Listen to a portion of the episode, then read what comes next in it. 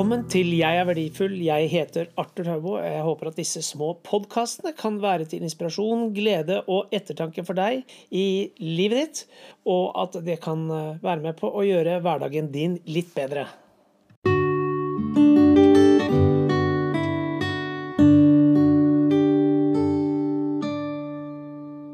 I dag har jeg gleden av å samtale med Bernt Torgussen. Velkommen, Bernt.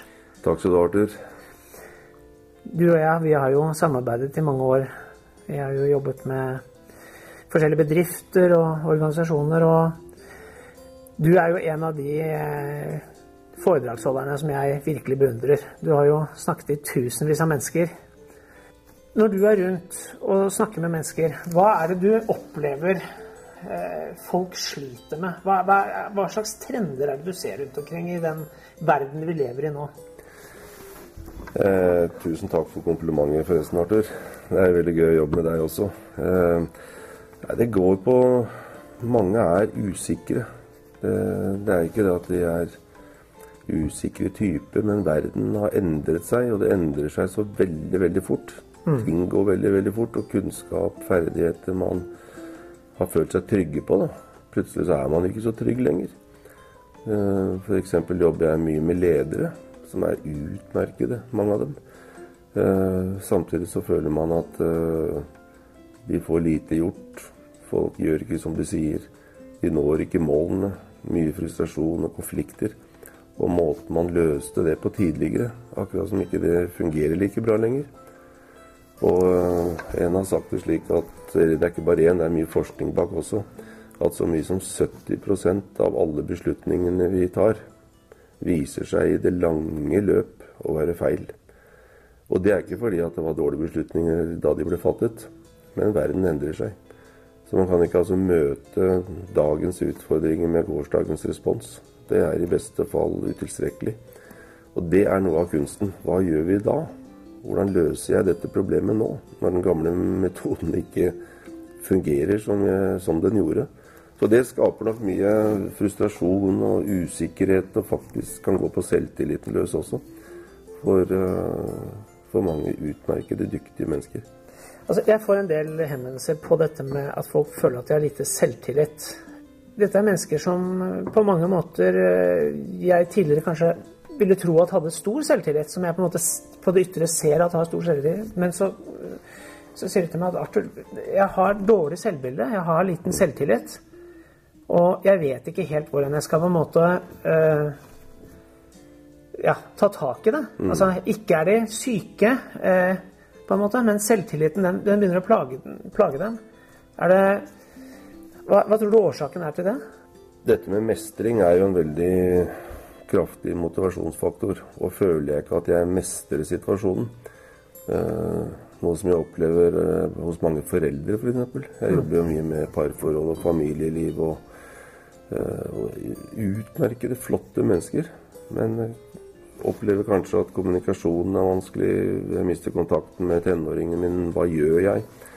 Sliter med å få det økonomiske til å gå i hop. Og mange av disse tingene gjør at man kan føle at jeg ikke mestrer livet på hjemmebane, f.eks. Mm. Kommer jeg på jobben og føler at folk er vanskelige Bedriften når ikke målene sine. Eh, de relaterer ikke til meg som leder, som, som jeg er vant til fra før. Altså, alle disse tingene rammer veldig hardt. Rett og slett basert på en mangel på godfølelse av at dette mestrer jeg. Mester mestrer du en ting, så liker du deg selv mye mer. Det er mye mer tilfredsstillende. Du blir mer glad. Du drar fra jobben og føler det er skikkelig tommelen opp føler at dette får jeg ikke ordentlig til, hva gjør jeg nå? Så skaper det en usikkerhet som kan ramme selvtilliten. Og mm. etter hvert også selvfølelsen veldig hardt. Jeg har jo sitert deg i boken 'Jeg er verdifull', og der har du skrevet, eller jeg har skrevet der at fremtiden er det eneste stedet vi kan gå.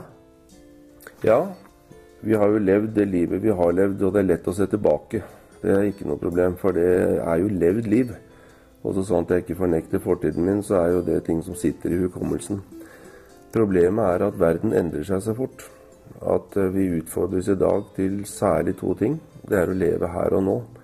Eh, ikke bare flykte inn i et rosenrødt bilde av fortiden f.eks., for eller et uh, dårlig bilde av fortiden, og plage seg over det resten av livet. Det er veldig lett å gjøre det, egentlig. Særlig hvis man har vært utsatt for en del utfordrende ting. da.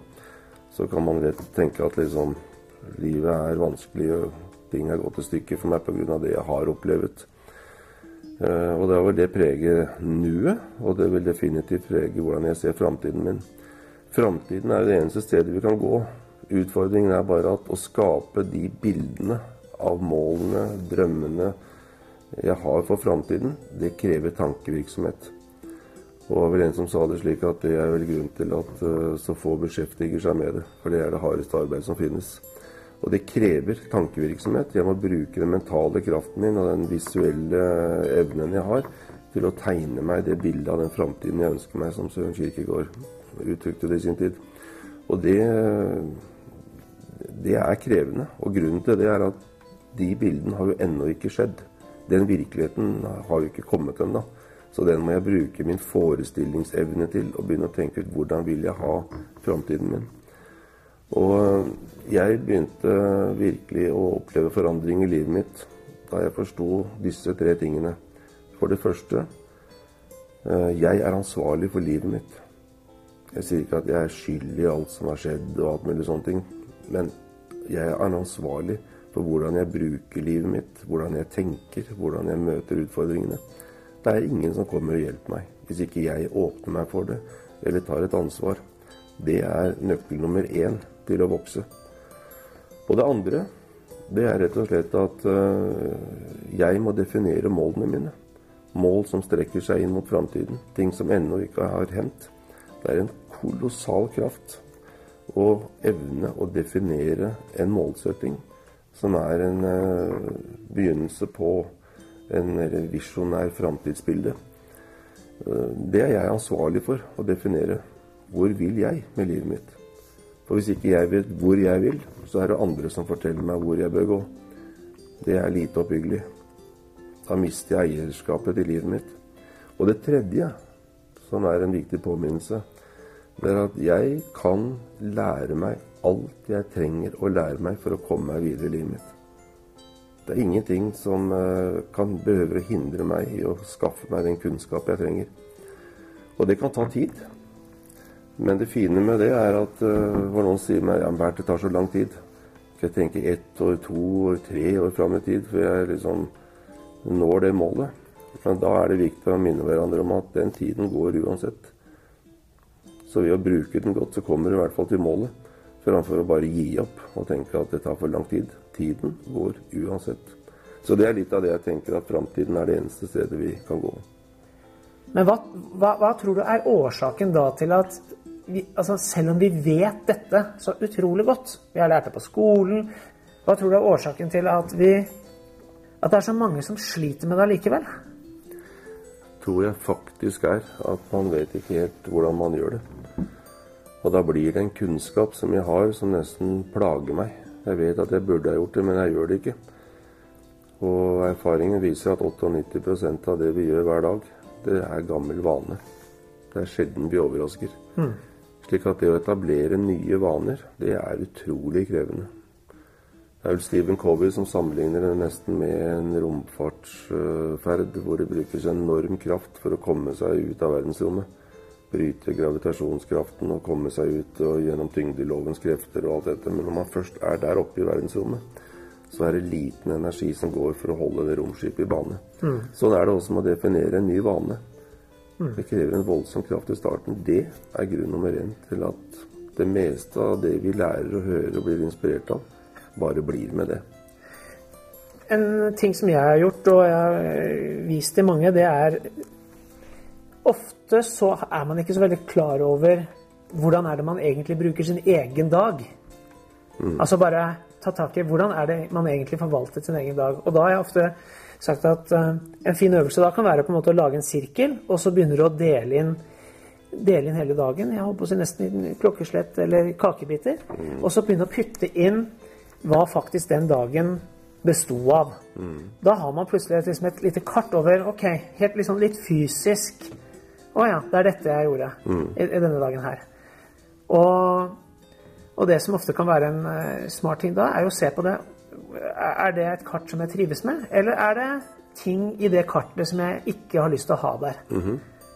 Og da kan man jo f.eks. Eh, lage en ny, en ny, sirkel, eller på en måte justere denne her til å kanskje enten fjerne noe, eller putte inn mer av noe. Mm -hmm. Jeg vet at du har jobbet en del med sånne ting tidligere også. Er, det, ja. er ikke det en ganske effektiv måte som noen kan på en måte egentlig ta i bruk med en gang? Og bare ja, er... få tak i det akkurat, akkurat, her og nå, denne dagen? Ja, det er kjempeeffektivt. Fordi at uh, det øker bevisstheten på hva jeg faktisk har brukt dagen til. Og jeg kan bruke bevisstheten min til å definere hva er det jeg faktisk ønsker å bruke dagen til. Og er de to tingene sammenfallende, så er det jo greit.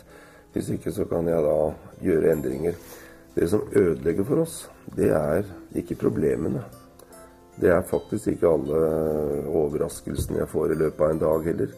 Men det er bevisstløsheten rundt det. Vi er ikke forberedt på det. Vi blir levd på et vis.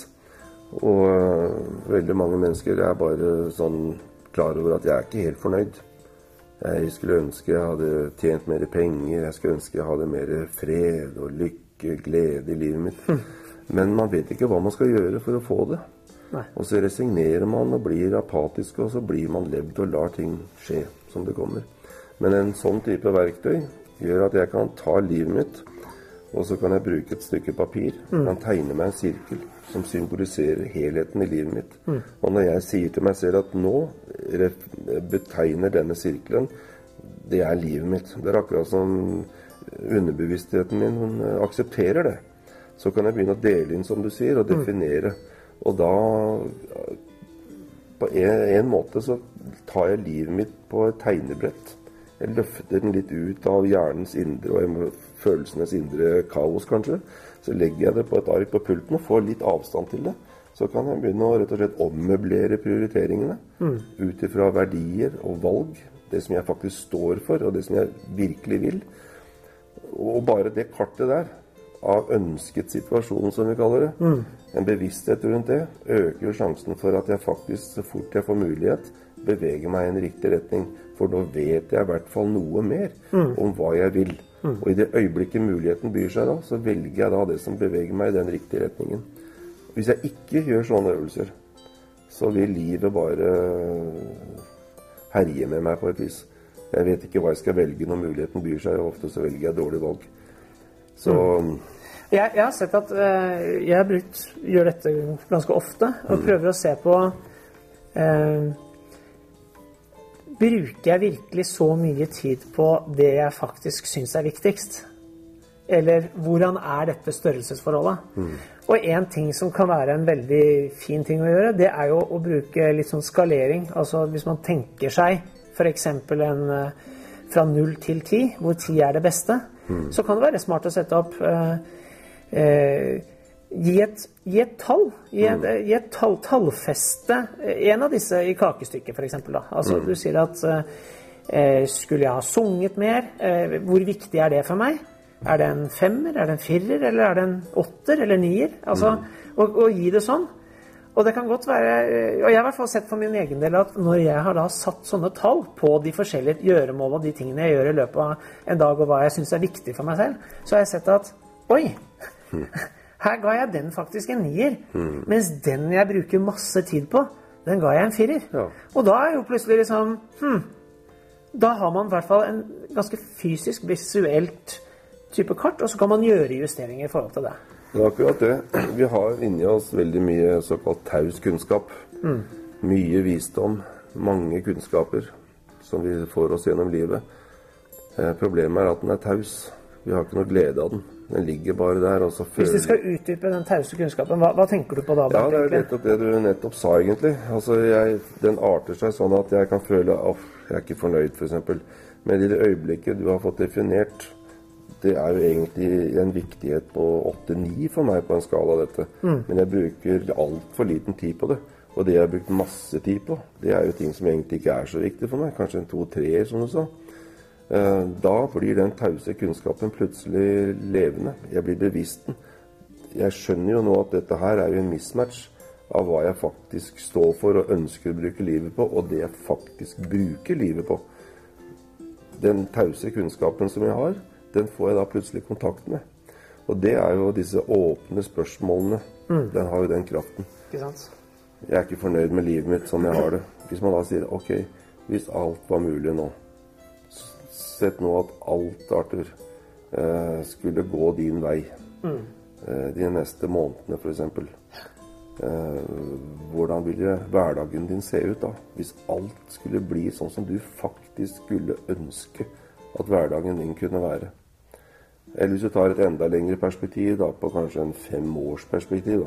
Mm. Hvis nå alt i løpet av fem år ble slik som du ville ha det, helt perfekt Livet ditt, familielivet ditt, eh, businessen din Nå vet jo alle at verden er ikke perfekt på den måten, da, men en mental øvelse, da. Mm. Hvis nå alt skulle gå min vei, og alt kunne bli helt fullkommen slik som jeg skulle ønske at det var, hvordan ville livet mitt sett ut da? Bare det å leke med den tanken. Hvordan ville det livet være hvis alt var fullkomment? Det er en så viktig øvelse, for det sier veldig mye om verdiene dine. Det sier veldig mye om, uh, om det du virkelig står for, og det du virkelig ønsker deg. Og så er jo alle realistiske og vet at verden er jo ikke perfekt. Så vi snakker ikke om det perfekte liv på den måten. Men jeg må ha en bevissthet om hva er jeg egentlig vil. Hva ville jeg vært fornøyd med? Det er på en måte noe som kan gjøre øh, den tause kunnskapen som jeg har inni meg, som jeg aldri får noe glede av før jeg begynner å reflektere over hva sier hjertet mitt. Mm. Det er det vi er på jakt etter. Og da må man ta seg tid til å reflektere. Og alle menn og kvinner som har fått til noe av betydning i løpet av livet, de unner seg sånne pauser. Ja. En gang i uka, en gang i måneden, kanskje en gang i året. At man virkelig bevilger seg eh, litt ekstra tid til refleksjon for å tenke gjennom hva vil jeg nå med livet mitt. Og stiller man seg dette spørsmålet, så har man svarene dypt, dypt inni seg et eller annet sted. Og sånn som du og jeg jobber, da. Mm. Vi stiller jo hverandre sånne spørsmål.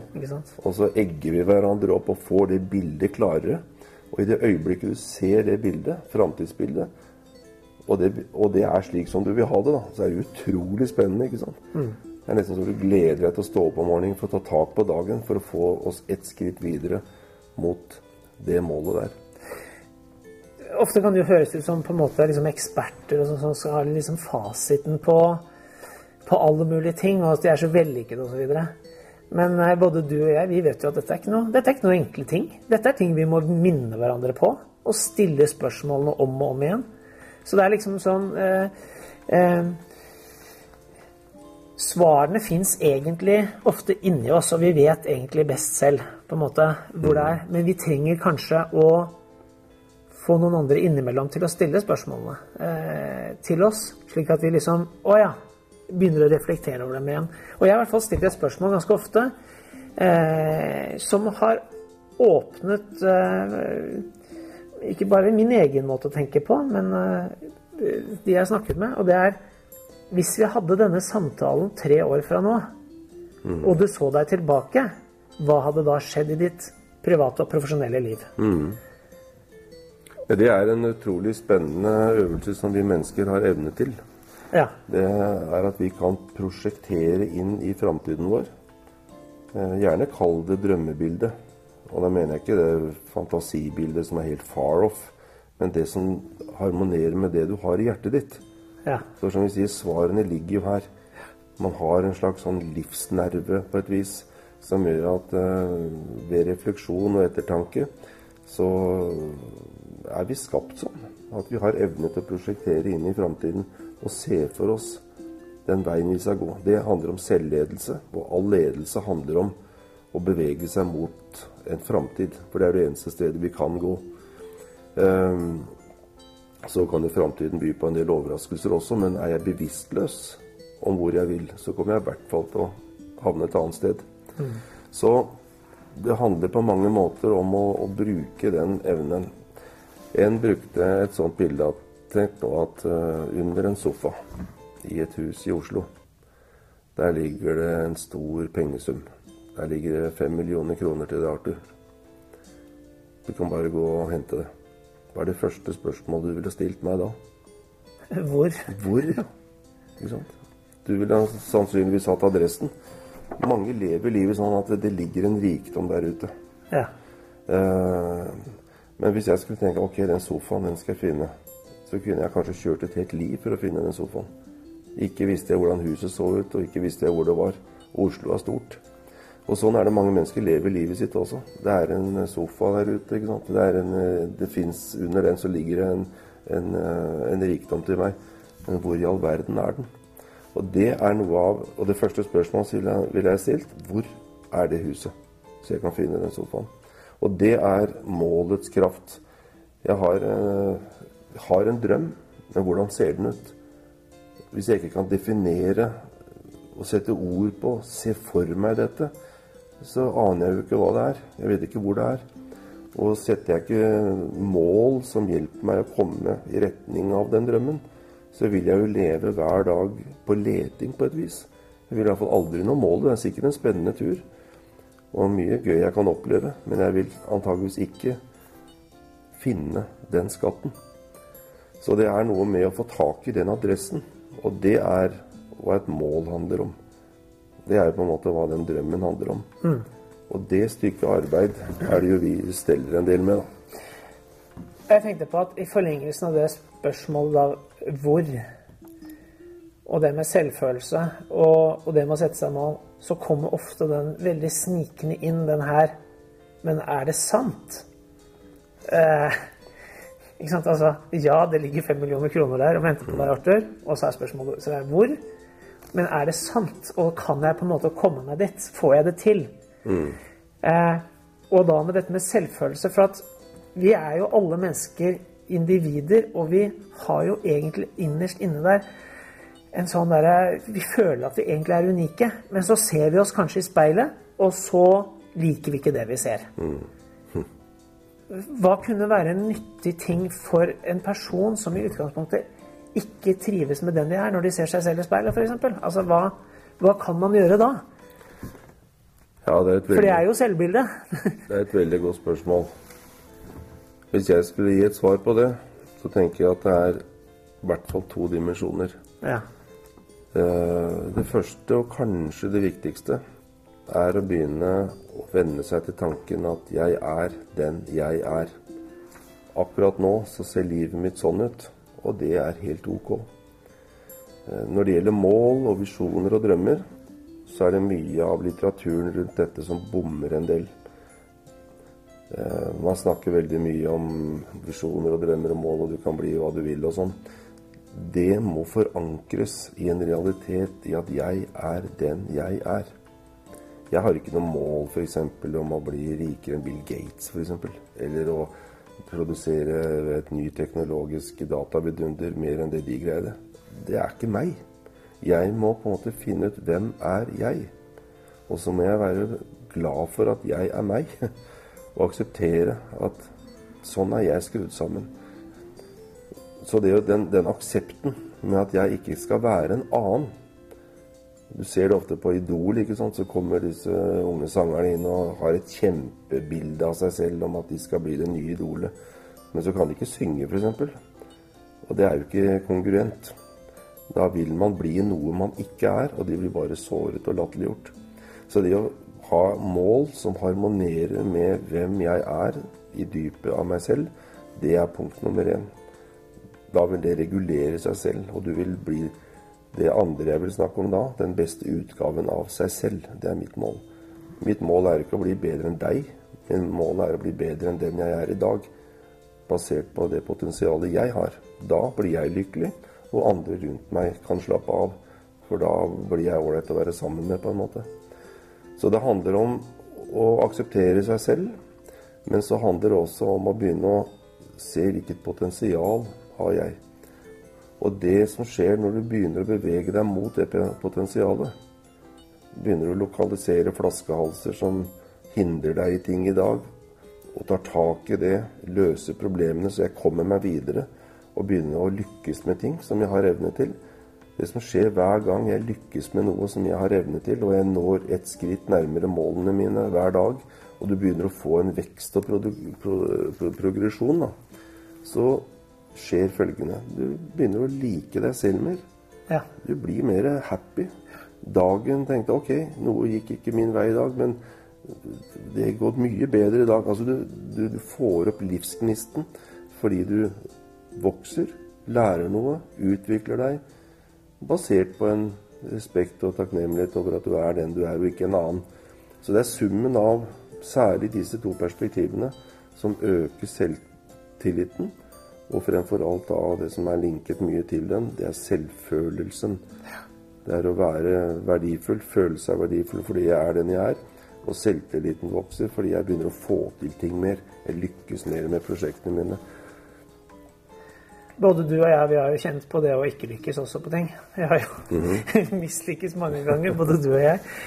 Og, og, den følelsen Når man står midt oppi de tingene der, så, så tenker man jo ofte at uh, det går aldri. Mm. Det blir ikke bedre. Og i den verden vi lever i i dag, så er det jo på en måte veldig mye sånn quick fix. ikke sant? Og gå ned 20 kilo på fem minutter, holdt jeg på å si. Og, og alle disse greiene. Men hvis det er noe på en måte Hvis vi skal liksom ta dette litt inn nå på slutten her, så tenkte jeg at det er utrolig viktig at uh, vi, selv om det ikke er en realitet akkurat nå, så er de små skrittene som du snakker om her, egentlig den der lille akseptere deg selv for den du er. Mm.